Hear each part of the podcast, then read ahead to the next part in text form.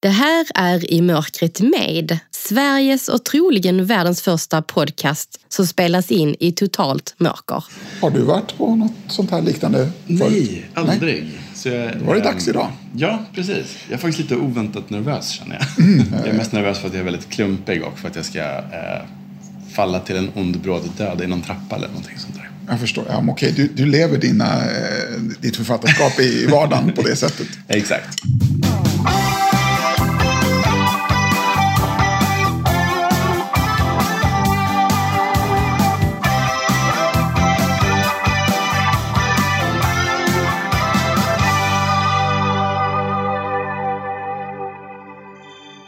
Hej alla lyssnare! Jag hoppas att ni har haft en fin start på nya året. I det här avsnittet ska vi möta en person som jag verkligen sett fram emot att träffa eftersom jag är en stor bokälskare. 2011 fick han sitt stora genombrott med världssuccén Cirkeln som han skrev tillsammans med Sara Bergmark Elfgren. Sedan dess har han gett ut flera hyllade böcker som exempelvis Färjan, Slutet och nu senast den blodiga thrillern Konferensen. Men hur kommer det sig att han älskar rysliga berättelser så mycket som han gör och valt att ägna sig åt att just skriva om det som skrämmer? Ja, det kan tyckas lite konstigt, särskilt med tanke på att han som barn var rädd för det mesta. I det här avsnittet möter du även Ulf Nordqvist, Svartklubbens ägare, som bjuder på livemusik. Det här är I mörkret med Mats Strandberg. Här kommer en pyttelist på golvet. Mm. Det är otroligt vad man inbillar sig att det kommer så här former och mm. skuggor emot en när man inte är van med mörker så här. Mm. Jag brukar säga det till dem som, som är lite skraja att eller som känner att det är lite läskigt att ja, men blunda då så blir din värld helt vanlig. Mm. För om du blundar då förväntar sig inte din, ja, men din hjärna att, att du ska se något. Nej, just det. Precis. Nu ska jag säga att vi passerar Anna här. Som sitter. Mm. och vi går ner för landning här snart. Yeah. Svänga runt den lilla bordskanten där. Det där är din stol. Den som känner här? Ja. Yeah. ja, men då så. Då tror jag att jag, jag dunstar först. Nej, men, tack, längre fram. tack, bra guidat. tack ska du ha. Oh, välkommen Mats. Ja, men tack. Det här är ju så otroligt spännande. Jag har verkligen sett fram emot det här. Um, jag sa det också innan att jag sett fram emot det och var lite nervös. Jag, jag är ganska klumpig även i vanliga fall. Så att jag var lite säker, hur ska det här gå? Hur känns det nu då? Uh, det känns bra. Det är faktiskt det finns någonting väldigt mysigt i det här faktiskt när hjärnan slutar försöka navigera mm. och, och, förstå vad som händer. Nu, jag känner att nu börjar den liksom ge upp lite grann och acceptera att okej, okay, men nu sitter vi här och ja, vi kommer inte att se varandra helt enkelt. Ja, ja. precis. Ja. Jag är jätteglad att du är här. Mm, jag har ju tänkt på det länge att jag skulle bjuda in dig hit. Mm, okay. Eh, både för att jag verkligen tycker om dina böcker och sen är det ju väldigt spännande, vi sitter i mörkret här. Mm. Med tanke på det du gör. Ja, Simon Skräck. Precis. Så, ja. Så, men, hur, men hur är läget med dig just nu då? Eh, just nu är det ganska bra. Jag, eh, jag är lite så här, lite så här konstigt dygnsläge för att jag, äh, jag borde hitta på någonting roligare och glammigare. Men sanningen är att jag käkade alldeles för mycket så här kakor igår och somnade av sockerchocken och sen vaknade jag eh, vid tio tiden på kvällen och sen kunde jag inte sova på hela natten. Så jag är lite Oj. så här, eh, ja, jag sov någon timme nu på morgonen. Alltså det här är så jävla ovärdigt allting. Eh, Varför åt du så mycket kakor igår då? Men för att jag köpte så här, mm, på en så amerikansk eh, mataffär liksom, ja. i Gamla stan så köpte jag just den här fantastiska sortens amerikanska kakor som ja men du vet, man ställer in dem i ugnen så de är geggiga i mitten, ja. lite så här mjuksega utanpå. Och jag har liksom ingen impulskontroll när det gäller um, att sluta ja. med roliga saker i tid tydligen. Ja. Så ja, som sagt, jag borde hitta på en mycket glammigare grej. jag tycker det är underbart, jag åt för mycket kakor så jag sov inte. exakt. Jag tänkte nu säger han att han druckit kaffe för sent eller något. Ja, ja. ja. ja nej, jag borde ha kommit på någonting med kokain och supermodeller. Men det var typ kakor. Ja. Men om du skulle presentera dig själv. Mats Olof Erling Strandberg. Precis. Vem är du? Eh, ja, jag är 45. Jag jobbar ju som författare och skriver skräck, fantasy, science fiction. Eh, skriver barnböcker också.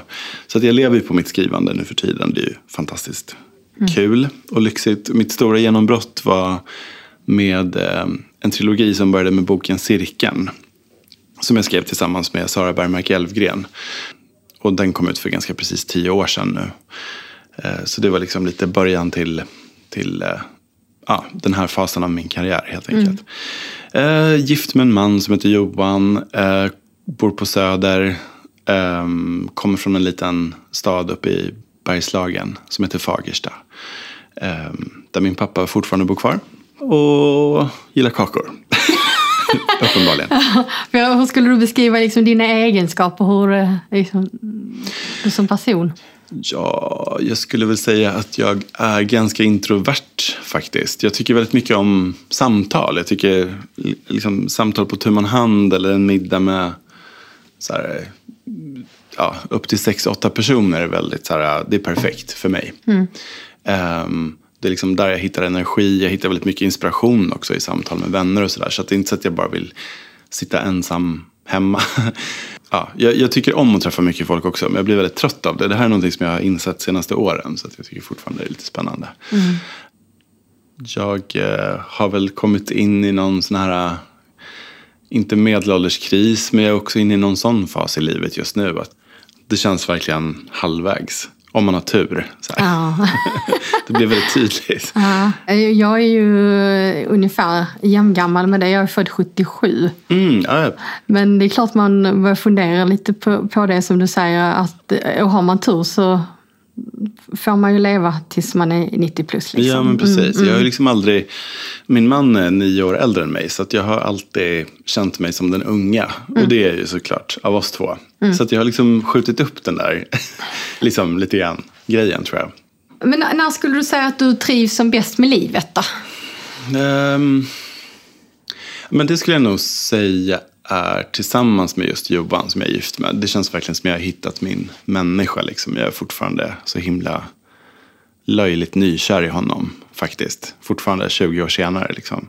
Men sen tycker jag ju också att det är någonting väldigt magiskt och fantastiskt med att få jobba med att skriva böcker och berätta historier. Det är ju någonting som är eh, det, det kan vara fruktansvärt och jobbigt och frustrerande och eh, ehm, slitigt på många sätt såklart. Men, men när det funkar och man har flyt eller när man känner att man är någonting på spåren ehm, så är det någonting väldigt magiskt. Det är någon, det är en otrolig eh, verklighetsflykt för mig faktiskt. På vilket sätt? Nej, men för mig att läsa skräck har alltid varit väldigt viktigt. När jag, när jag upptäckte skräcken så var det som att jag äntligen connectade. Jag hade så mycket, jag var ju väldigt ung, jag var ju barn fortfarande när jag upptäckte Stephen King. Men, men för mig så, så satte han ord på så himla mycket saker som jag inte hade kunnat formulera själv. Um, för jag var ett väldigt nervöst barn, jag var väldigt orolig för massa saker. Alltifrån liksom, Tjernobyl till aids till eh, kärnvapenkriget till att min mamma var väldigt sjuk och sådär. Så att jag, jag fick en väldigt lättnad i skräcken och jag fick nästan som en säkerhetsventil tror jag. Liksom jag, kände mig, jag kände mig mindre ensam på många Men det sätt. hade ju kunnat bli värre också tänker jag. Ja, jag, Eller? alltså, jag förstår verkligen folk som inte gillar skräck. För det är väldigt svårt att förklara för någon som inte är lagd åt det hållet. Men alltså, jag, jag, var ju, jag blev ju jättemörkrädd. Och det var, det var ju, men, men, men samtidigt så, eh, så... Så det var som att jag behövde det där. Det är som att åka berg och dalbana. Eller, eller liksom att man får den här katarsis-känslan helt enkelt. Att man kan eh, få lite utlopp för såna här känslor. Helt enkelt. Eh, på ett säkert sätt. Det går ju att slå ihop boken eller stänga av filmen. Till skillnad från livet. Här. Men det gjorde du inte. Det, Det gjorde jag inte. Du jag fick bara fortsatte. Precis, exakt. Ja, men, Och, och liksom att, att det här med att jobba med skräck själv är ju så otroligt kul. Framförallt är det förstås kul att få berätta historier som man själv hade velat läsa. Men, men det är också ett väldigt, en väldigt bra genre för att få utforska saker och brottas med frågor som, som, ehm, ja, som kan vara svåra på annat sätt. Liksom att få göra det i fiktionens form är väldigt, är väldigt befriande faktiskt. Och, och ofta fattar jag ju först senare vad det var jag egentligen så att säga bearbetade. Alltså det ehm. handlar mycket om att eh, bearbeta egna grejer också? Eller ja, men precis. Sånt mm. som pågår. Jag, menar, jag har ju mm. skrivit en bok som heter Slutet som på många sätt är mitt sätt att hantera klimatångest. Och min bok Färjan handlar ju förvisso om liksom, blodtörstiga vampyrer på en Finlandsfärja. Men, men jag förstod någonstans halvvägs att men det här är ju mitt sätt att dela med alltså min, min rädsla för eh, alltså extremhögern som växer fram. Det, det känns väldigt eh, terapeutiskt faktiskt. Ja, ja. Eh, jag har ju läst slutet. Det är ju eh, verkligen en favoritbok. Mm, tack. Och den tänker jag att vi ska prata mer om den sen. Mm. Men Ulf, jag hör att du smyger här. Det är du va? Hörde du också det Mats? Att Nej, det var jag satt och lyssnade på den här lastbilen som ja. var här utanför. Nu har jag smugit hit. Du är en person som inte är så förtjust i skräck. Vi pratade om det innan. Mm. Ja. Nej, jag tycker att det är ganska härligt, precis som du säger Mats, det här med liksom att fly in i en annan värld och sen mm. fattar jag egentligen inte varför jag sitter där ibland och tittar på en eh, skräckfilm. Eller Nej, men jag vet, det är lite så konstigt. Man sitter och jagar den här kicken av att man blir alltid lite missnöjd när man inte blir tillräckligt rädd. Men samtidigt när man blir tillräckligt rädd så är det ganska obehagligt. Så det är ju jättekonstigt att man håller på. Jag, jag, jag, jag, jag backar ju mera för. Jag, jag känner ingen anledning att gå in i skräck. Nej. Skräckgrejen. Utan jag, jag, livet kan vara fyllt av rätt mycket skräckupplevelser ändå. Som, bara som det är. Men, och det måste man ju, det är bara att ta. För det, det, det, går, det går inte att komma undan det. Men, mm. men eh, jag, jag, jag läser väldigt sällan skräck eller ja. motsvarande. Men är, alltså, är det ett medvetet val att inte göra det? För jag känner ju några som de tittar inte på skräck för att de mår så dåligt av det. Mm. Är det så för dig Ulf? Det är ett medvetet val att jag inte vill se på skräck. För jag tycker att um, vad ska vi säga, jag har, jag har nog med att jag, alltså, alltså, du vet sånt här som dödsångest eller eh, mm. Oro inför alltså, sjukhusskräck. Har jag. Alltså, jag, har, jag har lite nojor. Jag har pratat om det förut här. Ja. Går runt och drar på. Och, och, uh. då, jag, jag, tycker det räcker med skräckupplevelser. Jag, jag, behöver inte trigga det mer. För jag, jag triggar mig själv liksom, till att vara rädd för saker ibland. Mm. Men det är precis det jag menar. Att jag, för, jag förstår verkligen. Alltså högst legitim mm. känsla. Men för mig är det just det här att i sådana perioder där man har till exempel dödsångest. Och jag tycker det är fantastiskt att läsa böcker som dealar med det. För att mm. då känner jag mig just mindre ensam. Liksom att den här författaren skriver utifrån sina egna känslor och han skriver för en publik som också känner det här. Um, då, då, då känns det så här, ja men fan det här tillhör ju den mänskliga upplevelsen. Mm. Det är okej. Okay. för, för mig är det en sån otrolig tröst faktiskt. Mm. Det, det, det, känns som att det är så otroligt, nu är det verkligen bara antingen så super feel böcker eller så här, krim och skräck och mörker. Det, det är sån två ytterligheter just nu som går väldigt bra båda två. Varför är det så tror du då, just nu? Eh, ja, men jag tror att världen är ju väldigt orolig. Ja, men dels känns det lite apokalyptisk stämning. Liksom. Nu, nu vill inte jag säga att det... Jag tycker inte vi ska hänge oss för mycket åt det. För då tror jag man eh, känner att det är hopplöst och slutar kämpa för det som vi måste kämpa för. Men, men det är ju onekligen någonting ganska dystopiskt. Eh, just nu. Och det gäller både miljön, förstås covid har ju hänt mm. jättemycket. Um, väldigt politiskt oroligt. Jag tror många upplever det här just att verkligheten är lite som ett gungfly. Att massa saker som vi har tagit för givna kanske inte alls är så till exempel. Mm. För mig handlar det mycket om att här, inse att det är många som kanske inte tycker demokrati är en självklarhet eller något som är värt att kämpa för. Liksom. Jag tror antingen, jag kan verkligen fatta om man vill bara läsa om liksom, små gulliga bokhandlar på Österlen eller mm. liksom, hitta kärleken i Toscana. Um, absolut ja. inget konstigt med det. Men, mm. Jag pratade med Johan Theorin som skriver mycket bra både deckare och skräck. Och han, Just han menar ju Mm. liksom att den här stora deckarvågen i Sverige, den moderna deckarvågen, kom ju efter Palmemordet. Att vi alla hade någon slags behov av att hantera det här nationella traumat genom att läsa om polisutredningar där man faktiskt hittar mördaren. Ja, och få lite ja. Mm. inblick i hur det faktiskt går till med polisarbete och sådär.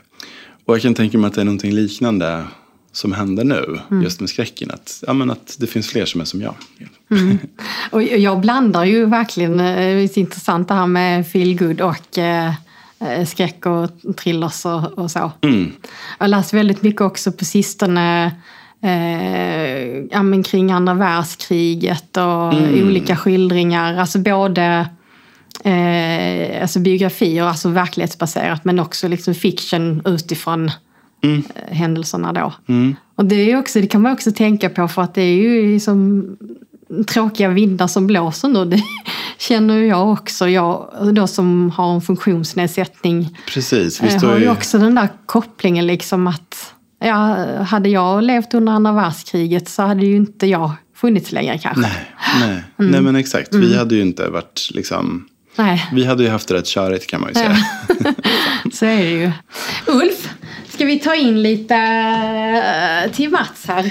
Eh, Vi brukar testa något eh, litet och käka. Ja, okej, nu håller jag i någonting här. Ja, och då är det så här att jag tänkte faktiskt att du och Ulf, det här, det här är nämligen en sak man både kan äta, eh, men man, man kan också känna, det, det föreställer nämligen någonting. Det här Okej. som ni Ska ska jag- äta. ska jag då tänker jag att ni, jag har inte talat om för Ulf vad det är, så jag tänker att ni ska få gissa båda två så ska vi se vem som är bäst på att gissa. Okej, Tänker jag. ja, här. En sån. Så den får man öppna där. Okej, Ja, det är någonting lite i... försiktigt. Okej, det är ju någonting i plast i alla fall. ja. Aha, någonting som tre delar av någonting Mm. som hänger ihop typ. Mm, Okej, det luktar choklad i alla fall. Det kände du med en gång. Exakt, jag känner mig hemma. Får mer kakor Mats. Precis. Kommer somna igen av sockerchocken här. Okej, ja men Det är ju verkligen tredelat. Mm. Det är som tre, tre knölar. jag får känslan av att jag, jag ser framför mig en sån här Kinderförpackning. Kan det vara så? Ja, men det är det inte. Nej, ja. okej, nej. Utan det, det där föreställer någonting. Alltså det känns som att på ena sidan skulle det kunna vara som att det är, den är lite, de två av dem är väldigt runda och sen på en så är det väldigt sådär som att det skulle kunna vara, ja man kanske två ögon uppe här eller två, är det någon slags öron eller någonting? Okej. Åh, vad värdelös jag känner mig på det här nu då. Ehm, Ja, men om du känner på, på liksom formen på de här runda sakerna och så känner du på ytterkanterna så känner du ena ytterkanten har som två ögon eller två bucklor upp till. mm, kanske på den jag redan har börjat äta på det. Jag känner upp huvudet. Det var ju svårt. ja. Ja, är, är det, ska det vara någon slags, Det är ett djur kan jag säga. är det någon slags orm? Nej! Nej, eller tusenfoting eller, ja men man Nej. känner under är det ju bara platt Det är ett liksom. större djur. Som är lite... eh, Har lite mage. Kan jag, tycker En jag. björn, Liksom. en björn eller? Nej. Ska jag säga det då? Ja, du får säga. Eh, en flodhäst. Mhm. Oj, ja det var inte helt lätt. Är den här, nej, är den här platta undersidan liksom? Det är väl en stående flodhäst liksom med eh, öronen och, och så kommer nosen ut. Känner ni den lite? Den, ja, det är den som har de här små. Men jag tänkte om, om den tittar upp i vattnet, om det är en sån. Liksom, Nej, den står, det är nog lite, det, en flodhäst står ju egentligen inte så här. Det här Jag tror den här är lite funktionsvarierad för den har inga ben. Exakt. funktionsvarierad är bra. Ja, Mm. precis. Okej, ja, men så smakar Nu flodhäst får den inte leva längre tycker Nej, jag. nej. Nu käkar vi tycker jag. Får se Mm. om du kan smaka vad det är för någonting. Där är någon fyllning i också. Kan jag be om ett glas vatten Ja, till den här du ska flodhästen? få det också. Ja. Men det jag ska bara säga om du är inne på andra världskriget och sådana historier. ja. Så har du läst den här boken År noll? Nej, För mig var den superspännande i alla fall. För det var ett sånt annat perspektiv som jag inte riktigt har tänkt på. Att liksom, vad fan gjorde man det första året efter att kriget var över? Hur byggde man upp allting igen? ja, det, jag har hört talas om den då när du säger det. Ah, Och okej. det, den börjar med en sån här helt fantastisk scen. Men, un, när kriget tog slut så gick en kanadensisk trupp genom en stad i, ehm, om det var Schweiz eller Österrike, Österrike måste det ha varit. Eh, och de här liksom unga friska männen gick genom stan och alla kvinnor som inte hade sett friska karlar på typ 6-7 år bara blev helt galna. Det var som en Beatles-hysteri. Ehm, och sen på 50-årsjubileet så kommer de tillbaka, alltså de här gubbarna och går genom samma by. Och tanterna från ingenstans blir liksom galna på precis samma sätt igen. Otroligt roligt. Nu ska vi se, där håller jag i något. Ja, hittar du glaset också? Jag ställer ett glas till dig här. Nu får vi testa din klumpighet här Mats. Nu Ja, men det, det får du nog göra. Det, det är heller ingen som ser riktigt hur du gör, men Nej. ska du komma också, du kan vara ganska ohämmad. Men du, jag kan, ehm, jag kan halsa faktiskt. Det är nästan skönare. Men du fick ett glas. Ja, jag fick det. Ah, jo, men jag förstod det. Men jag menar alltså, mm, alltså ja. Nej, men jag, jag, jag har åsikter, det får Anna ha i så fall. Ja, är det jag som typ ska tvinga Mats till så här. Eh, jag kan säga det, om du känner glaset där Mats, det är ett väldigt stort glas. Okej. Så att det är nog ingen fara att pricka i där. Testa gärna. Alltså det här är så otroligt spännande. Ehm, Har du lyck- lyckats öppna? eh, f- flaskan är lika... Du, jag tar Ja. och halsar ett tag tror jag. Jag, jag återkommer till det här med glas. Eh, vi, vi återkommer till det. Kanske kommer lite mer så här uh, mod efter ett tag. Ja. Ja. Jag Ja. tänker att det här är lite, det är ju kexigt. ja. Mm. Och det känns, tycker jag, som, jag vet inte vad du tycker med att det är lite så här nötkräm eller någonting i det. Mm, verkligen. Någon nougat-pryl, precis. Nästan lite 80-tal sån här. Uh, Nötkräm, ja. ja. jo men det är det. Det är, det är någon nötkräm i. Mm. Ja, det är bra. Ja, men det var gott. Ja. Eh, öppnaren, har du den där borta Mats? Jag tänkte jag skulle öppna min här. Ja, vänta. Och nej, just det, det här. Man ska inte lägga ifrån sig grejer utan att tänka på vart. för då är de borta sen. Um, Okej, du det här. Nu ska se. här. Det finns Och inget nu jag... har vi ju långt ifrån varandra här. Här är någonting. Här. Ja, Här är den. Och sen ska jag räcka den rakt fram. Eller nu vet jag inte riktigt vart. Jag håller fram den det- nu. Jag tror att här är ett bord eller ett glas här nära kanten här, eh, Ulf. Jag tror att du får helvete öppna. Får vi sitta och slåss ifrån varandra? där är ett hål där. Ja, Jag det är sant, vi får inte nå varandra. Nej. Nu åkte den Här ner på är- golvet. där är tror jag. den. Eller det var Ja, kanske... kapsylen. Ja, det var kapsylen. Ja. Det hörde du. Ja, Så- Alltså grejen är att jag, jag har skillnad på Även om det är en gaffel eller en kniv som ramlar ner på golvet. Alltså här inne. För jag, jag, liksom, det, jag har hört det så många gånger. Så att, Du är arbetsskadad. Inte att det är viktigt att höra det, men jag gör det. Men du Ulf, alltså på tal om det, jag tänker du jobbar här inne i, i, i mörkret. Nu ser ju inte du och jag någonting annars heller, men har det varit någon sån där äh, läskig upplevelse här inne någon gång? Nej, alltså jag...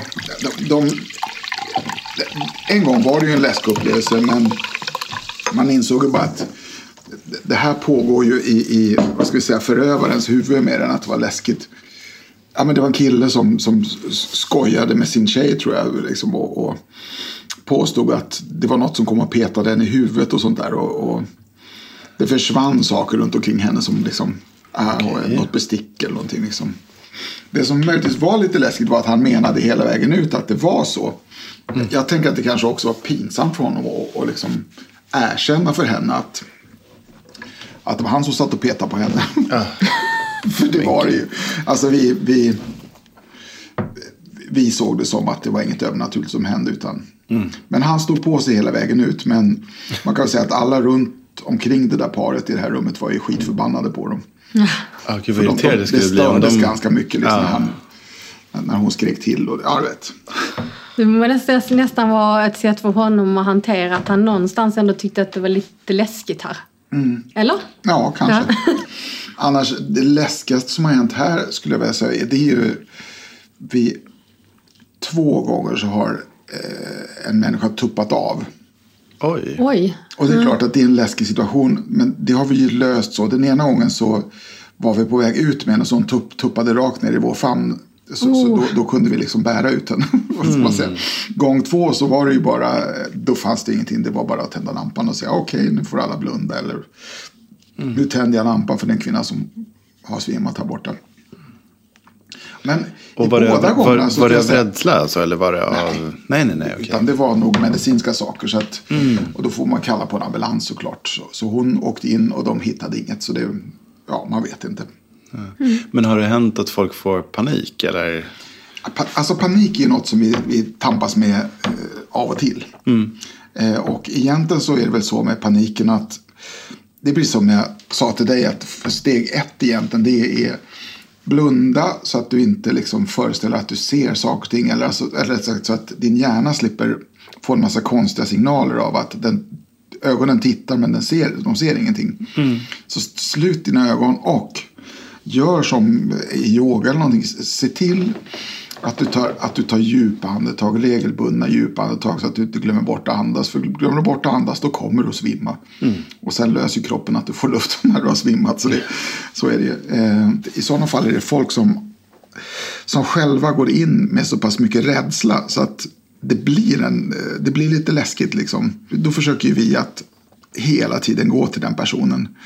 Ja, men till att börja med hälla upp liksom, lite Ramlös. Ska du sätta dig och ta en klunk? Och, och ibland så får vi dessutom eh, ja, men då börjar med, okej, okay, men du sitter ute i baren där det fortfarande är ljust.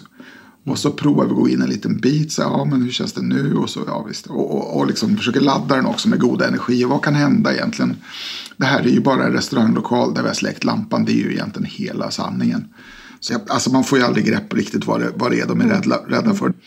Men jag tror den stora rädslan för folk är väl just att man när man inte vet hur man kommer att reagera på någonting. Mm. Om man liksom går in medvetet i en kontrollförlust. Det är ju någonting Mm. väldigt obehagligt med det förstås. Och, ehm, nu är inte jag rädd för mörker på det sättet. Så, så det här är faktiskt inte obehagligt på det viset Mm. för mig. Men jag tänker just de situationer man är rädd är ju nästan alltid egentligen för hur man ska må eller vad man ska möta i Mm. sig själv. Inte så mycket i att man faktiskt tror att något kommer att hända. Ja, Liksom. just det. Och där pekar du på en punkt till som är väldigt påtaglig här inne. Det är ju att folk som på ett eller annat sätt är berörda av, av, av blindhet eller hotade av blindhet och säkert rädda för blindhet. De reagerar starkast. Det vill säga väldigt ofta sådana som har de här stora problemen ja, de är diabetiker eller har någon annan sjukdom som gör att de kan bli blinda. Så de inser plötsligt att nu, nu går jag in i det som kan hända mig. Och det är klart att de är skiträdda. Det skulle jag också varit. eh, så att, och, och ibland är de också att de är släkt. Min syster har diabetes och hon har blivit blind. Alltså, alltså sånt där. Ja, det blir ångestfullt Ja, såklart. det, det blir Ja, svårt. ja, ja. Eh, eh, Men det ska också sägas då, om man nu bara ska säga någonting som är väldigt positivt i det här då för Svartklubbens räkning. När vi började en gång i världen så hade vi kontakt med Europa, Tyskland framförallt, och de sa att eh, i deras mörkerrestauranger så fick man räkna med att 10% av de som kom skulle aldrig, alltså de kommer inte genomföra kvällen, de kommer hamna, alltså de, de hamnar utanför helt enkelt. Man, man kan, Och det där skulle jag säga, det beror bara på personalbrist eller eh, brist på att vilja få det här att, att funka. För, för siffrorna här ser det ju inte alls ut så. Här är det ju okej. det är bra bit under en procent. Det kanske är det kanske är fem personer om året som inte går in på, av, av 6 000. Liksom. Det, är, det är jättelåga siffror. Men det finns några alltid, ja. Så är det. Nej, men jag tänker du är så otroligt lugn. Ja, men jag tror att det är viktigt att sprida det lugnet. Ja, då. För jag, jag, absolut, jag, ja. jag är ju rätt mycket här för att berätta historien om att det går att leva ett gott liv som blind. Och då vill inte jag att folk inte ska gå in och få den upplevelsen. Det är, det är, liksom som, Mm. som, det är dåligt för, för det som är eh, den mänskliga biten av att driva Svartklubben. Frågan är om inte vi ska lyssna på en låt nu. Ja. Nu när vi ändå, så Ja, får du eh, höra här. Så, och, och då, då Mats så tänkte jag när du skulle komma. Hmm, vad har jag för skräcklåtar? Det var lite svårt att komma på vad jag hade för skräcklåtar. Men eh, då kommer jag att tänka på. Det kan ju vara en skräck i livet när, när eh, man utsätts för saker som, eh, som, ja, som känns lite konstiga. Som till exempel om man duttas ihop med en person som är blind. Och det vi har gemensamt kanske bara är att vi är blinda. I övrigt så är vi fullständigt olika varandra. Så, eh, så jag kom på att ja, det här är väl kanske så nära skräck jag kommer ibland mina låtar. Jag lirar i rockband En F9 harm Du vet, det får musiken att puttra och förstärkan blir varm. Jag gillar allt från Bach till Jimi Hendrix. I min hand har jag många små gitarrlicks. Du, ja, det intresserar inte mig va? Åh, nej. Åh vilken fest det är idag.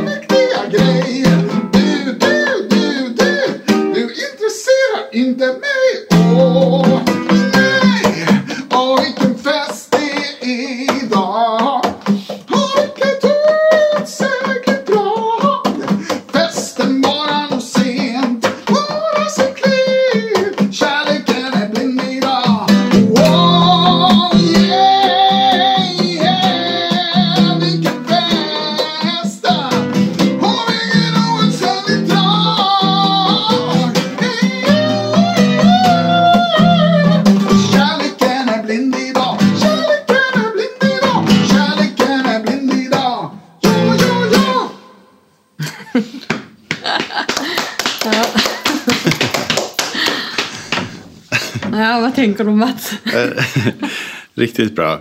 Shit. Uh, gud, jag skulle vilja kunna göra sådär med rösten också. Jag kan inte ens sjunga i en, ett tonläge. Så Ja, du sjung- du sjunger inte eller? nej, jag gör Nej. inte det.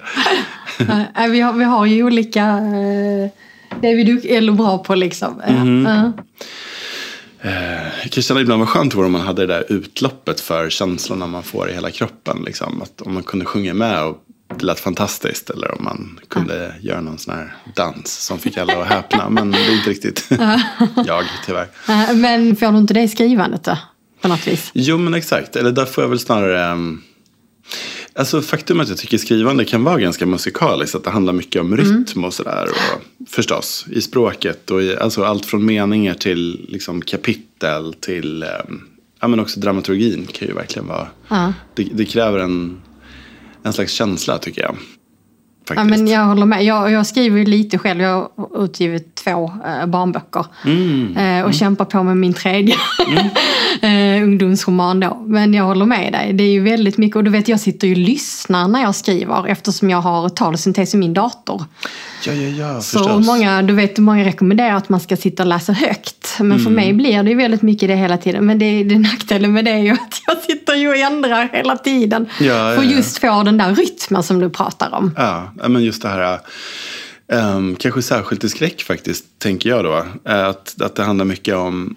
ehm, det kan ju vara väldigt svårt att beskriva känslan av att vara rädd. Jag menar, det finns ganska begränsat antal liksom, tecken i själva kroppen och sådär. Um, Det gick kalla kårar längs med ryggen. Ja men exakt, man vill inte hamna där. Liksom, att Nej, beskriva precis. att hjärtat slår fort. Liksom. Ja. Det kan man göra på ett par ställen. Men Ja. man kan inte göra det hela tiden. Så att, för mig handlar det ofta liksom om att låta ehm, ja, men, att, att låta själva meningarna följa en känsla av rytm i hur de dyker upp i huvudet. Liksom. Att ibland kommer såna här kursiva meningar som bara bryter in liksom, i ett annat flöde. En sån här förbjuden tanke som poppar upp på något Ja. sätt. Eller att ibland så är det, om tankarna rusar så istället för att skriva det så kan jag förmedla det genom, genom liksom, ja, men hur, hur meningarna är skrivna. Att de är rusande helt enkelt. Och sådär. Ja, Du, du är ju fantastiskt duktig på det.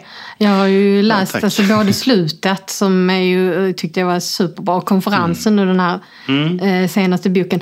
Där är jag så imponerad också av hur du liksom har eh, späckat, att det, det är sån action. Mm. Eh, och, och, och hur jag liksom kom på själv att att jag blir så rädd. Du vet, du vet som man sitter och biter på naglarna och tittar på en film. Jag tycker att det är få som lyckas med det i, i bok.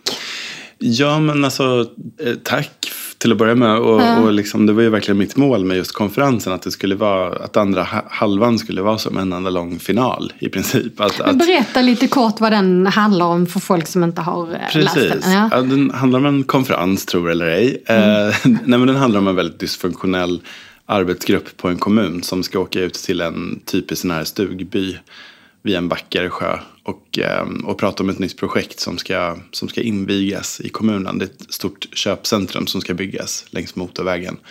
Eh, och det är väldigt mycket eh, upprörda känslor kring det här projektet, både bland både bland personalen och men också på bygden. Eh, och redan från början så vet man ju att det är någonting som, som, ehm, som, som tänker utkräva någon slags hämnd som är där för att, som är där för att döda dem helt enkelt. Ehm, så eh, det handlar väldigt mycket om, om just Ja, men att, bli, alltså, att bli jagad. Vilka, vilka kommer att överleva?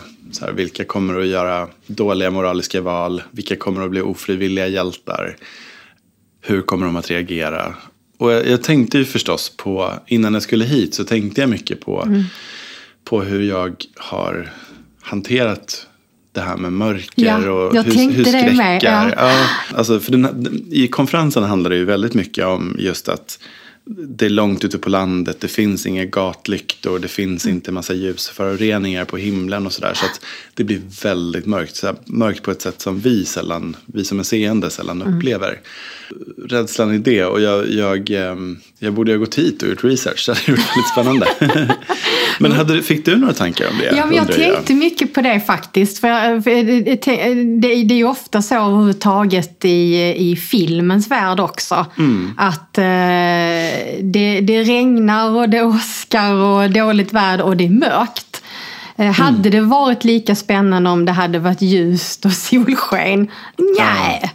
Eller är det för att vi är så vana vid att det är det som är det läskiga? Att man har liksom hängt upp det på det? Fast, an, fast å eh. andra sidan så, så tänker jag att jag tycker ju The Shining är väldigt läskig och där är det Ja. hela tiden ljust. Det här tänkte jag på mycket när jag skrev Färjan, min bok som utspelar sig på en finlandsfärja. Att där är ju liksom, själva färjan beter sig som vanligt. Så att äh, korridorerna är ju ständigt upplysta till exempel. Ehm, mm. Och då blir ju ljuset en fiende för att det går inte att gömma sig heller. Ehm, så det kan ju vara dubbelt det där. Absolut. Eh, Men jag tänkte liksom, hur blir det för dig att Ja. läsa om en bok där, där karaktärerna är helt omskakade av att inte se? Ja, men det, det är lite roligt för jag har ju tänkt ofta, eh, och det finns också exempel på det både från eh, eh, ja, litteraturen och i filmens värld. När man kastar in någon i, i ett sånt sammanhang som där det faktiskt är vardag. Alltså skulle jag vara med på den där konferensen och vara blind, Eh, Skulle jag ha någon fördel av det? Eller eh, skulle det vara till en nackdel? Eh, Kommer du ihåg den här filmen? Det fanns en, eh, det var väl mer en thriller eh, som är gammal, Blint vittne. Just det, precis. Ja, det är en precis. blind karaktär och det bryter sig in någon och är ju ute efter att döda henne såklart. Mm. Och där har hon ju en fördel för huset släcks ju ner och hon hittar ju sitt egna hem. Liksom. Så att, Mm. ja, det är något spännande över det. Verkligen. Eh, och Keplers ena bok där också där de har en, en karaktär också som är blind. Det här med att när jag märker att Oh, jag har sett dig där och där och att folk kan ju se mig och iaktta mig. Mm. Utan att jag kanske att jag inte skulle märka det. Nej. nej, nej, nej, just det, precis, exakt, Ja. exakt. Ja, men det är ju lite som här att, ja, för mig blir den här känslan lite grann som i slutet på när lammen tystnar. Att så här, det skulle ju kunna vara en mördare med så här mörkerkikare Ja. som såg mig. Och jag, Precis. jag blev hitlockad. Ja, precis. Jag tänker en och en försvinner här inne på restaurangen. Vart tog de vägen? Ja. Liksom. Ja. Jag tänkte på uh, ofta, nu står helt still, jag kommer inte på några bra exempel. Men jag upplever att blinda tyvärr ofta exotiseras ganska mycket Mm. i skräck. Att det är ofta liksom att medium, synska människor Mm. har liksom, är blinda men de ser andra saker. Eller att, eh, känner du igen det här? Har du också den Absolut. Nej, men det är Ja. så himla intressant för att, ja, men som du säger, att man blir någon slags hjälte. Ja, något, Mm, Eller, precis, eller ja. att det ska handla just om Oh ja. det faktum att personen är blind och så blir det det som blir liksom Det är den det här spännande. Mm. twisten. Liksom. Ja. Men hur skulle, hur, finns, hur skulle du uppleva det om någon som jag skrev en bok med en blind huvudperson? Nu när du pratar så mycket om det här med vilka Ja. historier har man rätt till och sådär. Nej, men jag tänker varför inte? Sen handlar det väl om att ta reda på hur det är. För att ibland Mm. blir det ju så konstigt. Alltså som att man är någon övermänniska. Det känns som att då har de kanske inte tagit reda på eh, så mycket. Liksom. Ja, jag kommer ihåg det var någon tv-serie för många år sedan, svensk tv. Eh, då de, jag tror att de bröt sig in i något hus och då där var någon blind och hon märkte inte. Alltså det, var, det var så konstigt liksom. Ja, så där skulle det inte gå till liksom.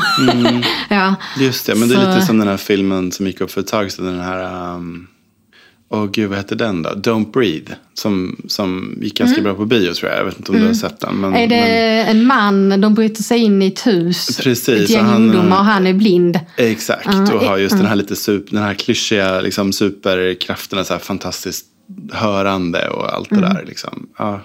Eh, fast det jag ändå tyckte var bra med den, det var att han var jävligt elak. Mm. För det kan också vara lite så att man är helylle. Ja, eh, lite det här, åh, man är bara en genomsnäll människa när man har någon funktionsnedsättning. Liksom. Ja, ja. Han var ju brutal. Och så. det kan man ju lugnt säga. Men ni, eller när ni hade cirkelböckerna och jag tänker i ditt skrivande överhuvudtaget, är det ett medvetet val att få till någon form av mångfald? Att det är liksom bredd i, i karaktärerna kring bakgrund och sexuell läggning och, och så? Alltså, jag tror det finns massa olika orsaker. Dels att jag, alltså jag menar nu är jag en vit cisman så det är klart att, men, men jag är ändå liksom gay och det, alltså, det gör väl att det känns extra viktigt för mig, kanske med hbtq-personer, men också att, eh, alltså egentligen först och främst handlar det om att bara kanske skapa karaktärer man inte har sett tusen gånger förut. Det är väl det det handlar om, som gör att det blir roligare för mig att skriva. Liksom. Att, um, och det kan ju vara så enkla saker som också byta kön på en person. Att, att i Färjan till exempel så har jag den här väldigt klassiska figuren med en vakt som har jobbat på färjan alldeles för länge. Hon, hon är väldigt, så här, är väldigt bra på sitt jobb men också lite så här, I'm too old for this shit. Du vet, har blivit lite tjock och uniformen börjar spänna på fel ställen. Och, eh, alltså det är en väldigt klassiskt manlig karaktär. Men att bara göra det till en kvinna då. ehm, det bara händer någonting. Det, blir lite, det blåser lite nytt liv i den karaktären för mig när jag skriver. Jag tror att det är mycket det det handlar om. Sen- sen- Tänker du på det då när du skapar karaktären eller bara händer det? Eller? Um, ja, men det händer nog mest bara. Det är inte så, jag är faktiskt inte så analyserande innan. Liksom. Men, men, men, sam- men samtidigt så, så kan jag känna också att ibland blir man ju nervös för um, kan jag skriva någon som sitter i rullstol till exempel? Min mamma satt i rullstol men, och jag vet att hon hade tyckt att den här karaktären var okej. Men hon är ju en person av, av eh, liksom, hon, hon, jag kan ju inte, ja, hon kan ju inte representera alla helt enkelt. Och jag tycker det är jättebra att vi har de här diskussionerna. ehm, som tvingar en att liksom... eh, man kan inte vara lat längre. Man får liksom göra sin research. Man får, Ja. Och det är, ju, det är ju spännande och det är otroligt givande. Och, och eh, nej men jag vill inte heller reproducera så här dumma eh, fördomar eller liksom välmenta. Ja. det kan ju även vara positiva fördomar så att säga. Ehm, Precis. Så man får väl bara göra sin research och inse att man visst man kommer säkert göra misstag men, men man får försöka undvika så mycket som möjligt med testläsare och sådär. Har du mycket testläsare när du skriver? Mm. Jag har väldigt många. Eh, dels så, jag gör ju väldigt mycket research innan jag skriver också. eh, För att jag tycker man hittar så bra idéer där för det mesta. Och lite originella vinklar på saker. Eh, Men sen absolut, som en bok som Konferensen till exempel. Då har jag förstås kommunanställda människor som, som läser och bara, alltså så man inte gör något så här, någon, någon enkel miss med en titel. Eller hur det skulle funka på ett kontor. Men också till exempel läkare. Eftersom det är mycket kroppsliga skador så blir det så här, okej, men hur ser underhudsfettet i låret ut? så skickar de bilder. Väldigt jobbigt. Ja. Um, um, alltså det, det kan ju vara allt möjligt. Um, och sådär. Men vi backar tillbaks. Du berättar ju innan eh, lite kort om din uppväxt och så. Alltså hur, hur var du som barn? Men jag var nog ehm, ganska introvert redan då. Jag tyckte väldigt mycket om att leka själv. Jag hade, jag hade i och för sig inte så mycket val för vi hade, vi hade liksom inga barn just i min ålder i kvarteret och sådär. Men, men, ehm, och bodde på landet sådär. Men, men jag tyckte om att leka själv. Jag tyckte om att sitta med lego i timmar och liksom sitta och skriva egna sagor. och ehm, läsa böcker. Alltså det var ju det jag älskade mest av allt. Men mycket gick och funderade på grejer. Alltså jag var otroligt lillgammal. Jag var väldigt, väldigt kristen. Eller väldigt upptagen av, av frågor i alla fall om Gud och sådär. Ehm, det, under en period så kom kyrkoherden hem till oss en gång i veckan och så skrev jag liksom frågor under veckans gång. Sådär, som jag fick ställa till honom. Hur kunde de frågorna se ut då? Alltså den jag kommer ihåg bäst, eller den enda egentligen som jag kommer ihåg nu, det är att jag, att jag frågade honom varför Judas Priest hette det. varför ville man ju det? Kunde han svara på det? jag kommer faktiskt inte ihåg. Nej. Jag tror jag var bara så uppfylld av att jag var väldigt nöjd med min egen fråga. Här. Just det. Nej men så jag var väldigt liksom, ja men lillgammal och grubblande helt enkelt. Och i lågstadiet gick det jättebra. Jag hade så bra med kompisar och så. Eh, mellanstadiet också, men det var väl där man började känna på riktigt att man kanske var lite annorlunda. På ett sätt som inte riktigt gick att sätta fingret på. Och sen, eh, nej men högstadiet var ganska vedervärdigt faktiskt. Mycket det. mobbing och så va? Här förstår jag det som. Ja, men det var det. Mm, Det var, det. det var liksom inte så att jag fick huvudet nedtryckt i toan eller sådär. Men det var väldigt, ehm, just att gå genom en skolkorridor. Jag kan fortfarande få så här panikkänslan i kroppen bara av att liksom ha den här känslan av att folk pratar om en. Eller att folk eh, pekar och viskar. Och, Gjorde de det då? Ja, ja gud. Nej, men alltså det, var, eh, det, var, det var inte speciellt kul. Liksom. Och- men samtidigt kan jag också önska att jag hade, för jag hade ändå några kompisar. Och vi hade kul. Vi, vi spelade Drakar och Demoner och vi kollade på Indiana Jones 50 000 gånger. Och vi, um, ja, men vi lekte våra nördiga grejer. Och jag kan, jag kan ju önska att jag hade varit den här sortens eh, tonåring som hade gillat läget med det på något sätt. Men, men, men istället så kämpade jag så himla hårt för att bli populär. Ja, jag hade kunnat flyga under radarn och haft det så mycket lättare. Och haft det roligt med mina nördiga kompisar. Men jag ville bli poppis till varje pris. Det var ganska deppigt faktiskt. Och jag, jag, jag tror att det är fruktansvärt jobbigt att vara ung idag också på många sätt. Men jag tror ändå att det kanske finns en större frihet i att få vara den man är. Och liksom också kunna se att man kan vara att man kan hitta förebilder av många olika slag. Och man kan eh, eh, hitta sin flock på nätet och, och allt det där. Eh, som jag upplevde det, i alla fall när jag, när jag växte upp så fanns det liksom bara ett sätt att, att vara lyckad på. Eller, vara, eller att vara just populär. Det var ju väldigt mycket den här Beverly Hills-grejen på något sätt. Att, Ja, att man, eh, så att jag såg det väl bara som, som ehm, Eh, men att det skulle bli någon slags sån här, att jag skulle upp på den här panassen liksom och som, som en hämnd nästan. Eller jag vet inte, jag vet inte varför jag var så besatt. Det var ju inte ens som att de här människorna var särskilt roliga. Liksom. Men hur, liksom, hur tror du att eh, din uppväxt har präglat ditt skrivande sen? Mm, alltså, mm, men dels har det väl påverkat för att jag just fick det här behovet av skräck helt enkelt som vi pratade om innan. Men, men sen tror jag också, jag och Sara pratade mycket om det när vi skrev just Cirkeln och de andra böckerna i Engelsfors-trilogin. Att, att vi, vi var väldigt olika jag och Sara, vi kom från helt olika världar och och sådär. Men, men det vi hade gemensamt var att vi um, liksom stod utanför lite den här vanliga sociala stegen. Vi var lite outsiders. Så att vi tillbringade mycket tid med att stå och liksom titta på hur andra gjorde och hur andra betedde sig. Att vara de här iakttagarna. Och det är ju någonting som man faktiskt haft väldigt stor nytta av sedan dess tror jag. Att där föddes ju någon slags intresse för att förstå hur folk funkar och också eh, mina böcker har ju oftast, eller alltid, minst två olika perspektiv och det handlar väldigt ofta om att olika människor upplever saker på helt olika sätt och tolkar saker och missförstår varandra men också kanske ser igenom varandra på, på olika sätt. Um, så allt det där tror jag faktiskt kommer från den här, från den här tiden. Mm.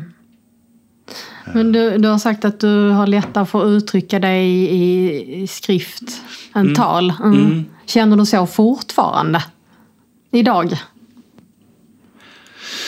Det beror på. Alltså det beror, det beror helt på förstås. Jag menar ett bråk, jag är ganska trögtänkt till exempel. Om jag bråkar med en kompis, det händer ju sällan. Men, men mm. Eller om jag bråkar med Johan som jag är gift med. Mm. Så, så um, jag är ofta lite trög och har lite så svårt att sortera i mina känslor. Och, och också att jag... Um, jag är inte konflikträdd längre, det skulle jag inte säga. Men att jag, att jag jag kan nästan spela upp ett bråk i huvudet innan det ens har hänt. Att jag bara, men oh, nu skulle jag vilja säga till Johan att han är jobbig på det där sättet. För så skulle han säga till mig att, ja ah, men det tycker du bara för det här. Och du vet att bla bla bla. Och då skulle jag säga tillbaka, nej men så är det inte. Och då skulle han säga, jo det är det. Och så skulle jag inse att han har rätt. Alltså, och så är det liksom lite över i mitt huvud. Mm. uh, nej men jag tror att jag kanske bara är bättre på att utforska vad som händer i mitt eget huvud. Jag skriver ju ofta inte dagbok, men just för samtal med mig själv på något sätt. Med penna och papper, just för att bena i grejer och sådär. Men när började du skriva själv då? Alltså, du, du sa att du läste jättemycket som barn. Mm, exakt. Nej, men jag skrev ju böcker, alltså böcker, jag skrev sagor när jag mm. var fyra, fem. Sådär. Sen när jag var 16 så skrev jag ju faktiskt en roman som nästan blev utgiven.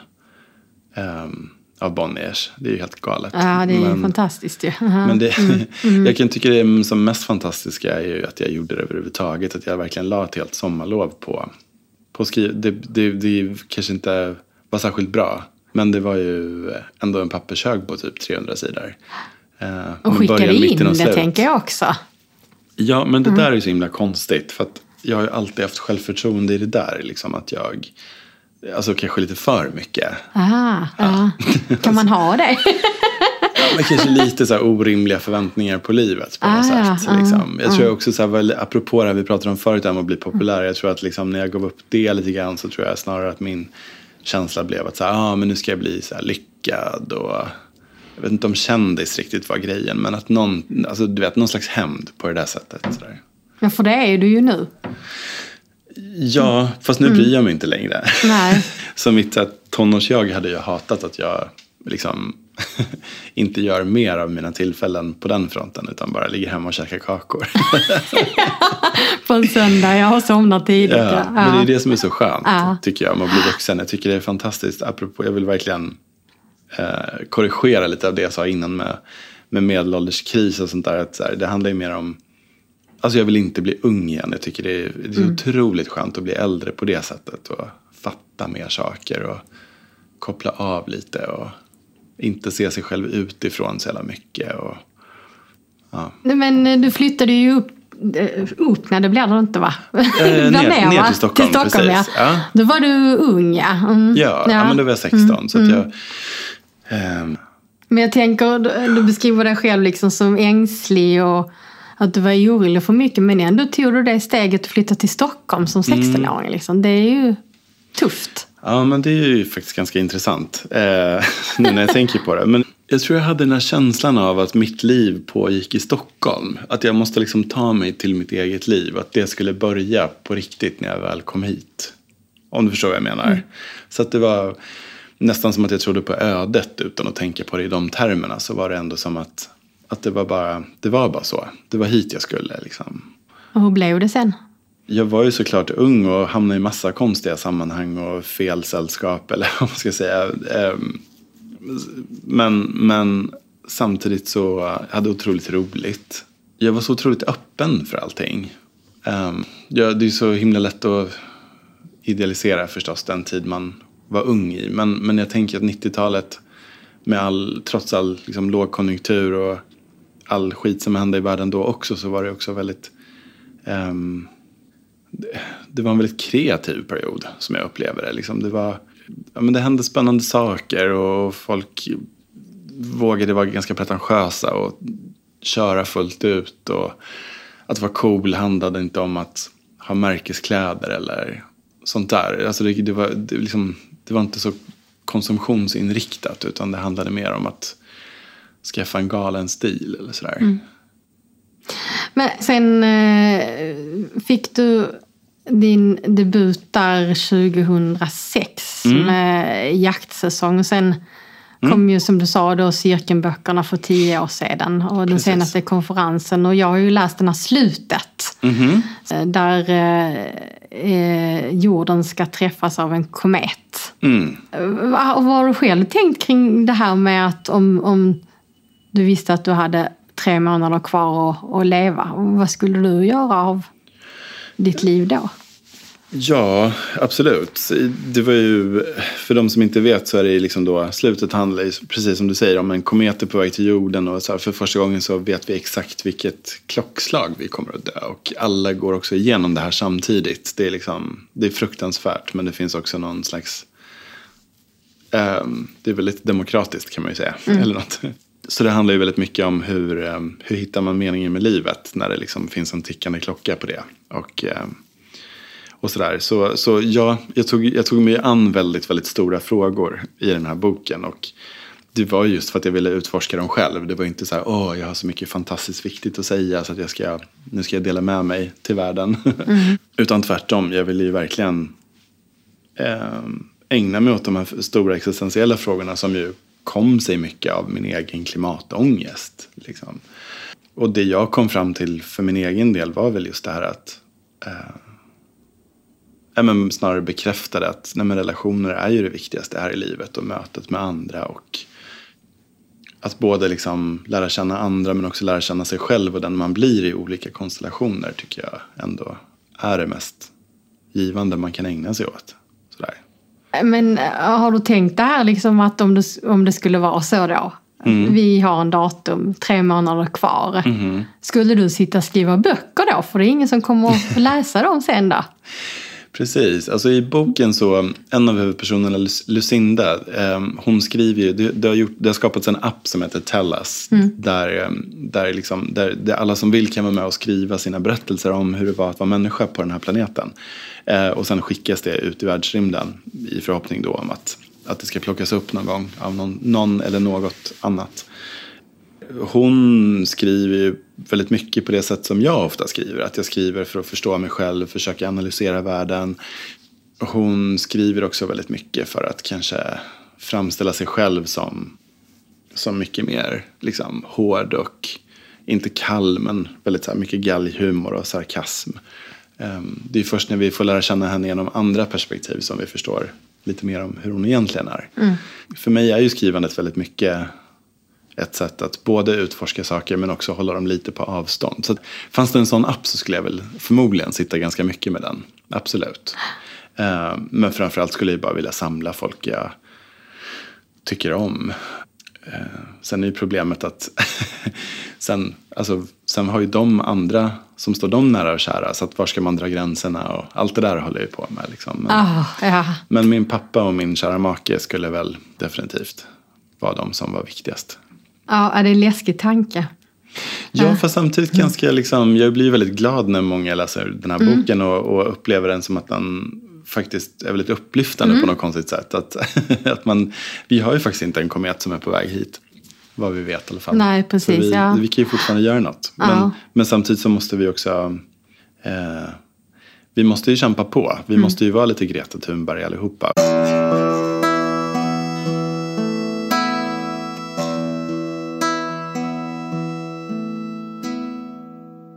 Tack till vår samarbetspartner Svensk skrivtolkning som gör det möjligt för fler att ta del av I mörkret med genom att texta våra avsnitt. Textade avsnitt hittar du på vår hemsida imokretmed.se.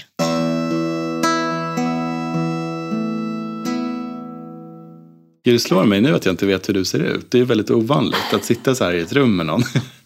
Ja, vad tror du?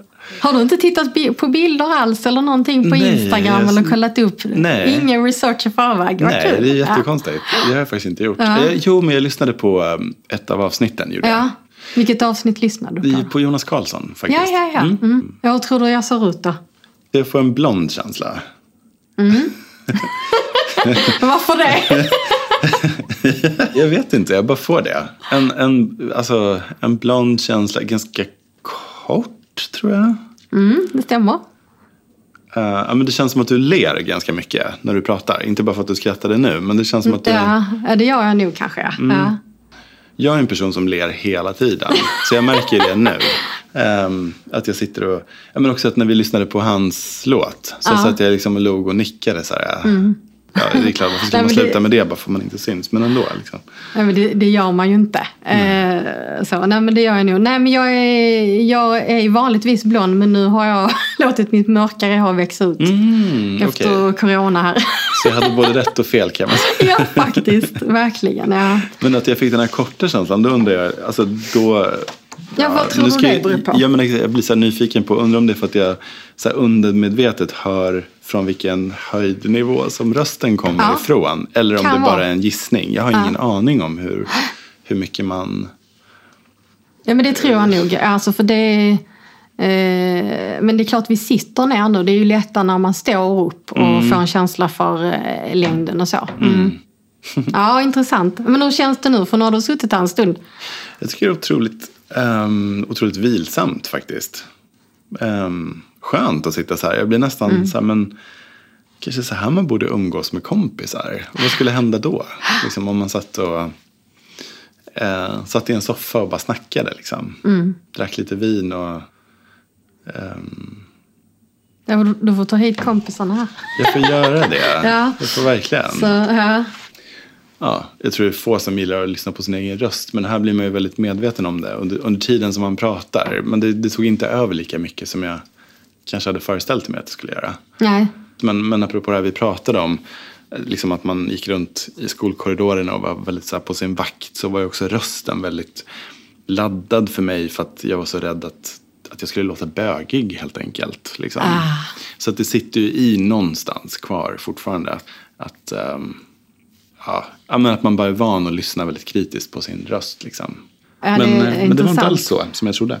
Men du, får jag fråga en jättedum basic fråga? Fråga. Alltså så här, Mm. Jag hoppas jag inte liksom, för det här är liksom den frågan du säkert får tusen miljoner gånger. Men du som har sett innan. Ja. Är det som att det är mörkt? Är det liksom så du ser? Eller så som, du, så som det är för dig att vara blind? Är det som att det är Nej, mörkt? alltså, eller som att... nej, jag tycker inte att det är, är, är det för mig. Utan det är ju det är lite som att blunda med ögonen. Det är ju någon slags synförnimmelser. Det är ju inte, det är ju liksom inte mörkt. Det är ingenting Det bara. här, är en, det här är en fråga som jag Ja. får ganska ofta Ja. i min men jag kan vardag. tänka mig det, den känns så basic. Det Men är jag, många som frågar den. Eh, Alltså framför mina ögon, jag tror att det här är olika på olika, först för olika människor men också Mm. för olika ögonsjukdomar säkert om man nu skulle forska i det här. Så framför mina ögon så är det ju så att när jag tappade synen så var det flimret, alltså ett- ett flimmer som, som tog över synen sakta men säkert och till slut är det bara flimret kvar. Så för, framför mina ögon är det aldrig mörkt utan det är flimmer, det är, det är Okej. kanske miljoner små punkter som Ja. blinkar, så ser det ut. Ja. hmm. Och skapas de i hjärnan eller finns det liksom kvar synsätt? Alltså hur, var kommer de ifrån? Vet man det eller? Nej, jag tror att det är små aliens. Ja, okej, förstås. Nej, men jag, jag har inte en aning faktiskt. Nej. Eh, Men, men det var så, alltså det här är ju samma, så här såg det ut eh, när jag svimmade eller när det svartnade för ögonen när jag var seende. Då såg det ut så här. Ja, men är inte det fruktansvärt jobbigt då att ha- att gå och se det hela tiden? Jo, men då får man komma ihåg att jag har ju kopplat bort fokus från det här. Jag, jag bryr mig inte om det här. Det, det är liksom helt oväsentligt. Så det, Nej, det är när man börjar tänka på det. Som, Ja, då kan man se det. annars så tänker jag lika mycket på det som hur mycket jag ser med mina knän brukar jag säga ibland. Bara för att göra det ganska bildligt tydligt vad det är, hur mycket Det jag bryr mig om det. Men jag kan ju också så här om man håller en hand framför sig. Mm. Och då kan jag tänka, jag ser min hand, mina fingrar. Det är helt omöjligt. Eh, Men det är så här... eh, Som fantomsyn ja, nästan. precis. Okej. Så, ja. Men du, eh, jag tänker nu, du har ju skrivit många böcker och eh, liksom verkligen nått stor framgång. Vi- Vilken, vilken bok är du mest nöjd med? Vilken har betytt mest? Ehm, alltså det är ju liksom svårt att jämföra något annat med det som hände med cirkelböckerna. För de blev så otroligt stora och liksom blev det här enorma fenomenet bland just unga läsare. Som, så liksom att få deras respons har ju varit så otroligt magiskt. Liksom, och, och jag är väldigt så här stolt över det vi gjorde verkligen. Men jag är väl liksom stolt över alla mina böcker på olika sätt. Jag tror slutet kanske är den som, den, den krävde så otroligt mycket av mig. Just de här jättestora frågorna och apropå research, liksom att, att jag var verkligen tvungen att hålla hela den här, um, det här världsbygget i huvudet på ett sånt sätt. Liksom att, och också att den är, jag, jag visste inte alls om jag skulle fixa det, om det ens gick att skriva en bok som, där man visste från början att alla dör på slutet. Liksom. Hur hittar man spänningen då? Um, så, så den är jag väl kanske lite extra stolt över att jag faktiskt fick ihop utan någon särskild förebild riktigt. Förstår du vad jag menar? att liksom, ja. ehm, Ja, det, var, det är fantastiskt verkligen. ja, nej, men tack. Ja, Nej, jag men- tänker också eh, fantastiskt bra ljudboksinläsning. Den fick ju pris för det också. Ja, eller hur? precis. Ja, men- Och den är också riktigt, riktigt bra. I olika röster och, och så. Och det är som det är i boken också då. Mm. Ja, så den skulle jag väl ändå säga om jag var tvungen att välja det där. Men du, sista fråga här innan vi ska gå på de här antingen eller-frågorna. Matte, du ska också få signera vår gästbok här. Ja, tack. i mörker. Japp, Okej, spännande. det är så det. Jo, din skrivprocess, hur kan det se ut? Oj, eh, det är jätteolika. Jag brukar ofta skriva någon slags lager på lager teknik. Konferensen då, som exempel. Där är det ju nio personer som har jobbat ihop väldigt länge. Har massa, massa tankar och idéer om varandra. Så liksom medan jag lär känna en karaktär så skiftar ju också de andras syn på den karaktären. Förstår du vad jag menar? Om jag kommer på att men den här personen är förmodligen sån här också. Kanske har en hund som han är helt besatt av. Liksom. Och då blir det så här, okej men då är alla andra jättetrötta på att höra om den här hunden. Alltså, du vet, det blir så här detalj efter detalj efter detalj. Så att, ehm, hur karaktärerna också är som personer påverkar ju förstås vilka val de gör sen när grejer brakar loss. Liksom. Man kan aldrig tvinga karaktärer att bete sig på ett sätt som inte är sant mot dem. Så det jag upptäcker om karaktärerna gör att jag måste skifta plotten. Ehm, så att jag får liksom skriva mig framåt och sen får jag gå tillbaka från början och redigera. Ja. Så det är liksom två steg fram, ett steg bak hela tiden. På ett sätt som kan bli ganska maniskt. Men det gäller att hålla knasigt. koll på allting då. Ja, jag sitter ju med ganska stora Excel-dokument och sådär över allt ifrån vad de har på sig förstås. Särskilt då en bok som utspelar sig under en natt som konferensen gör. Um, sitter med liksom kartor som jag ritar upp över var deras stugor ligger längs den här sjön. Men också såna här grejer som vilka favorituttryck de har, vilken bakgrund, alltså vilken klass de kommer ifrån, familjesituation hemma, eh, uppväxt. Här, allt det där påverkar ju hur de tolkar saker som händer och vilka metaforer de använder i sin inre monolog. Eh, allt sånt där. Så att skrivprocessen är ganska kaotisk för Ja. mig. Men samtidigt som jag försöker kontrollera den. Men då vet du egentligen inte innan du börjar skriva exakt hur historien, alltså plotten, alltså hur det ska se ut. Nej, jag försöker ju ha som någon slags karta framför mig. Liksom. Ehm, och ofta brukar jag också veta ungefär var jag vill att den ska landa. I alla fall känslomässigt. Själva storyn. Men sen låter jag också liksom boken berätta sig själv för mig. Det är nästan så det känns snarare. Tyvärr, jag önskar att jag var en mer strukturerad människa som därmed hade ett roligare svar på den här frågan. Men, jag har inte. Du har sagt också att du tycker redigeringen är den roligaste delen. Ja, ja, ja. det men tror jag den- att det är många som håller med dig om det, som skriver. Eller? Nej, nej, men jag tycker att det är ganska plågsamt att skriva just den första versionen. För att den blir, den, den blir dålig. Det är bara, jag tycker det är plågsamt att stå ut med hur dålig själva texten blir. I alla fall för mig. Ehm, och det är därför jag tycker om att ha den här första versionen. Så att man har som den här degen som man kan börja bearbeta. Liksom. Eh, och börja visa för några få utvalda. Liksom, och få feedback. Och vad är det här för någonting? Och är det spännande? Och vad tycker ni om de här karaktärerna? Hur uppfattas de? Och man kan börja hitta nya lager i dem. Så att, ja, det är liksom hela grejen för mig. Ja, det är bra. Men alltså, jag blev faktiskt glad eh, nu när du sa det där med att, alltså, hur du fyller på. För att, jag sitter ju själv nu och skriver på en ungdomsbok och eh, eh, hakar upp mig väldigt mycket. Jag borde nog bara sätta mig och bara skriva historien. men för jag vet det. ju på ett ungefär. Och så ska jag tänka att redigeringsbiten blir rolig sen. Ja, men, Faktiskt, nej, men för det är så svårt att stå ut. Alltså, det är så lätt att tänka att man bara sitter och stirrar på de här meningarna och bara fan vad fult, gud vad klyschigt. Mm. uh." Men det kommer ju inte att skickas till tryck Nej. så fort du vänder ryggen till. Så är det ju, ja. Du har ju kontrollen, du kommer ju att eh, sitta och göra det bättre sen. Ja. Jag har också lärt mig att det är sånt jävla slöseri med tid för mig och försöka, försöka engagera mig för mycket i det där. eh, Det är klart att det kan dyka upp guldkorn som man bara wow, var kom det där ifrån? Fan vad coolt. Så här. Men, men, men det mesta är ju, kommer ju att skrivas om tio gånger. Så Ja. det, det är lugnt liksom. Bara låt det. Ja, men det, är- det är skönt att höra. Ja, ska jag skriva nu alltså? nu, nej, du ska först svara på antingen eller fråga. just det. Just det. Mm. Får du först här? Ska jag sträcka lite på mig här? Ja, är du beredd? Ja. Te eller kaffe? Kaffe. Kött eller grönsaker? Grönsaker. Bok eller film? Oh, Mm. F- uff, bok då. Mm, bok. Det måste du Det säga. var eller? svårt. Ja, ja, jo, men det är, ju, det är svårt att knäcka en fantastisk läsupplevelse. Det är det ju faktiskt. Jag håller faktiskt med dig. Eh, tankspridd eller fokuserad? Ehm, om det gäller mig Mhm. så... eh, men det är ju faktiskt både och. Jag tog fokuserad på en sak i taget och blir väldigt tankspridd på allt annat. Så Hemmakväll eller utekväll? hemmakväll. Nytt eller gammalt? Gammal. Prata eller lyssna? Lyssna. Ljus eller mörker?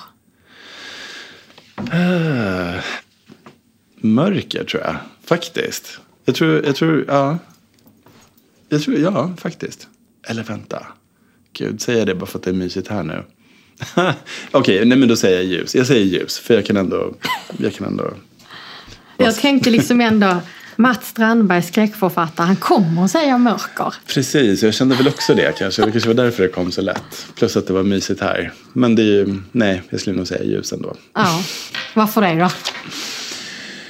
Men alltså, av något skäl så är det naturen jag tänker på. Jag tänker på, vi har ett litet hus på La Palma som är en av Kanarieöarna. Liksom, och, alltså bara att, ja, men att, att se naturen är väldigt viktigt för mig. Liksom att vara i naturen. Ehm, Jag är så avundsjuk på att ni har hus där, kan jag säga. Jag ja, men jag är faktiskt det. lite avundsjuk på mig själv. Jag fattar inte riktigt vad som hände. Men ehm, plötsligt bara åkte vi hem från en semester och hade köpt ett hus. Liksom. I vanliga fall är man ju van att så här, köpa en hatt på sin höjd och bara, hmm, undrar om det här hatten verkligen är jag. Men plötsligt kommer jag hem och var husägare istället. Så. Men, vad är det en dröm du har haft, att ha hus där eller? Nej, nej, nej, inte alls. Alltså tvärtom. Jag har verkligen alltid tänkt så här, men gud, vad ska man ha ett, så här, ett sommarställe eller fritidshus för? Det är, då, då blir man ju låst vid det. Det är ju jättekonstigt. Liksom. Och så bara kommer vi till den här ön, blev superkära. Alltså jag hör mig själv säga i bilen från flygplatsen, så här, men här skulle man ju kunna ha ett ställe. Och Johan bara kollar på mig bara, va? Varför då? Ja. Och så var vi ute på en promenad några dagar senare och jag bara, ja men du vet det där konstiga jag sa förut. Men alltså, jag tänkte bara som ett sånt här ställe till exempel. Och så gick vi förbi det och så var det inte salu Nej. Jo. Ja, det är ju lite konstigt. Ja, det är nästan som man to blir be, lite... ödet, ja. ja.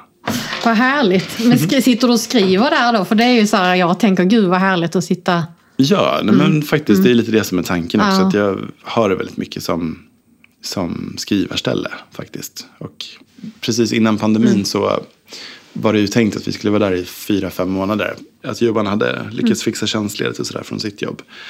Han är ju också författare nu så vi hade tänkt sitta där i nästan ett halvår och, och vara författare under Mm. apelsinträden. Men eh, den där pandemin Den kom i där vägen. pandemin, liksom. ja. Men det kanske blir framöver i alla fall. Ja. Någon gång ska väl det här lugna ner sig. Det är jag helt övertygad om faktiskt. Trots mitt yrke så är jag ganska positivt inställd. Säga, grundinställningen är ändå ganska... Ja, och tänk om man historiskt sett eh, vetenskapligt också då. Mhm. Så har vi haft pandemier innan som inte finns längre så att säga. Mm, verkligen. Nu kommer eh, boken här, eh, Mats. Ja, Framför okej dig. nu ska vi se. Nu ska jag bara Då släppa, har du, nu ska vi se, för nu har vi liksom ett. Mm. hål emellan oss här så inte boken trillar ner där. Precis. Känner du, känner du boken där? Och så får du hålla den på jag samma boken. håll. Ja, Och sen har du pennan där. Den är här. Där, ja. Mm. precis. Uppslag på höger sida Mm. kan du skriva. Eller rita något eller ja. Hitta på något. Så.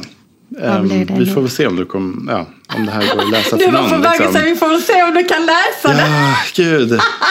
Ja, det kommer jag inte kunna. Nej, men jag förstår folk som blir så nervösa när de inte är vana att träffa en bög. Att de är så rädda att säga fel grej. Jag sa, jag sa ju när jag satt i taxin, jag bara vi ses snart. Och så bara oh no. Nej gud ja. Alltså, och det där ska jag säga. Jag jobbade på morgonpasset för många år sedan. Jag är också Mm. journalist som du.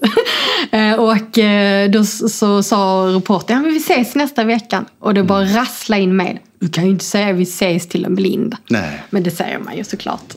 Jag säger också att jag tittar på film. Ja. Ja, Men däremot så blev det en jättestor nyhet när jag var så här, eh, filmrecensent. För då hade ju Sverige fått sin första blinda filmrecensent. ja, men ja, nu. Så ja, så var det. Okej. Shit. Så är det, men det är ju det där. Du vet ju hur det är med normer. Eh, jo tack, verkligen. Jag kände även igen det här med att bli hoptussad med någon bara för att man eh, tillhör samma minoritet. Det bara, ni måste ju ha jättemycket Ja. gemensamt. Man bara, "Mm, Precis. kanske. Ja. Vad skrev du nu då? Eh, jag skrev tack för att du tog med mig in i mörkret. Skrev jag. Ja, härligt. Och så förhoppningsvis en, en, en, en signatur. Vi får se. Tack snälla Mats. Tack för den här upplevelsen. Fantastiskt. Ja, jätteroligt att, att ha det här. Mm, Eh, Extra kul att, att prata mörker och skräck med dig såklart. verkligen. Tack. Tack för att du lyssnat. Och gillar du I mörkret med så får du gärna hjälpa oss att sprida podden genom att berätta för andra att vi finns. Och dela gärna våra avsnitt med länkar på sociala medier. I mörkret med är tillbaks igen om två veckor och då tillsammans med mig och Fatmir som pratar om allt mellan himmel och jord. Om livet utan syn. Och har ni frågor till oss så får ni gärna ställa dem på e-post hej snabelaimjoketmed.se. Och både jag och Fatmir finns också på sociala medier. I mörkret med har en Facebook-sida och eh, på Instagram hittar ni oss under hashtag i mörkret med.